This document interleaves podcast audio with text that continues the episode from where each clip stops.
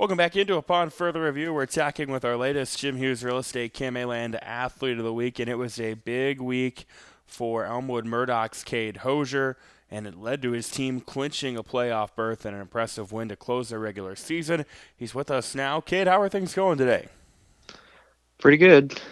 Good. Thanks for joining us. Uh, go back to Friday night. I think your coach sent me the stats um, just before this interview. Not a lot of rushes, but a lot of yards. Not a lot of catches, but a lot of yards, uh, and a couple of kick returns as well.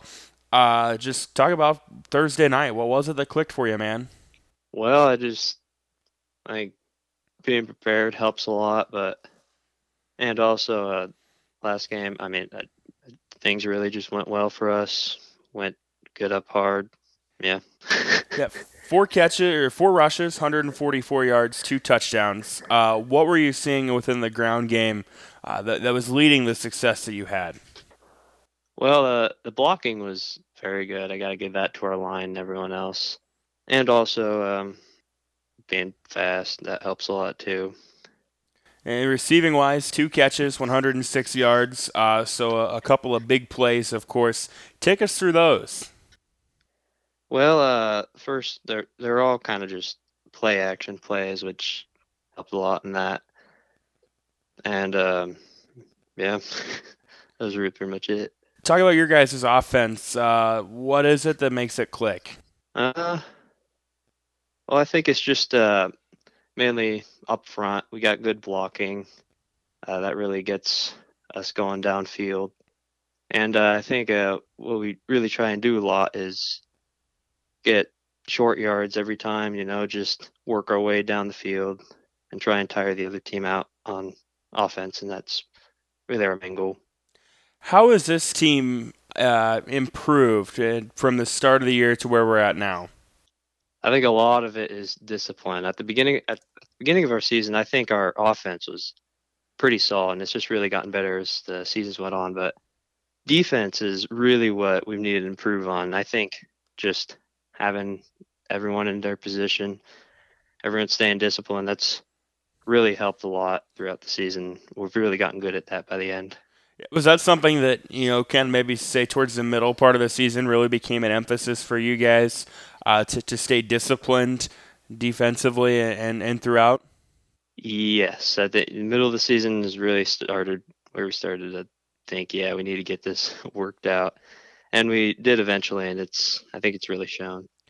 Getting down with Cade Hosier of Elmwood Murdock, our Jim Hughes Real Estate Land athlete of the week. Had a couple of kick returns as well. Uh, anytime you can get anything in the special teams department, that's going to help your team. Uh, take us through those. What did you see that, that led to those? And I'm sure it's something you'll be pretty proud of. Yeah, those, those, I yeah, those are were pretty good. I mean, yeah, blocking that helps a lot, and uh, I think it's just reading the holes and seeing where to go. It's not something where I've always been very good at, but this year it's really started to click for me. Good time with Cade Hosier of Elmwood Murdock. You guys now get ready uh, for the postseason. Uh, taking on Howells Dodge. Uh, I think anybody that, that knows Nebraska man football is familiar with that, you know, that program and its history. Uh, what do you feel you guys need to do uh, to, to come out on top. What do you what do you know about Howells Dodge as you guys are getting ready?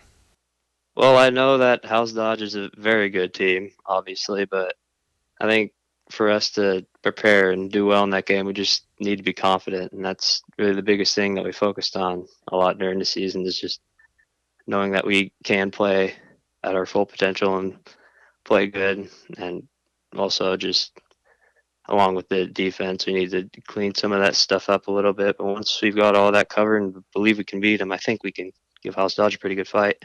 You guys come in as the 15 seed, I believe. They're the two seed. So is there maybe kind of a little bit of that uh, underdog mentality coming in? Oh yeah, oh yeah. But even if we are the underdogs, it, I think, it, I think we still are a pretty good team, and if we can pull it out, I think we can still give him a pretty good fight. Looking forward to that again. That's Cade Hosier of Elmwood Murdock, Jim Hughes Real Estate Land Athlete of the Week. Cade, thank a lot. Thank you so much for the time today, and uh, best of luck on thir- on Thursday. Thank you.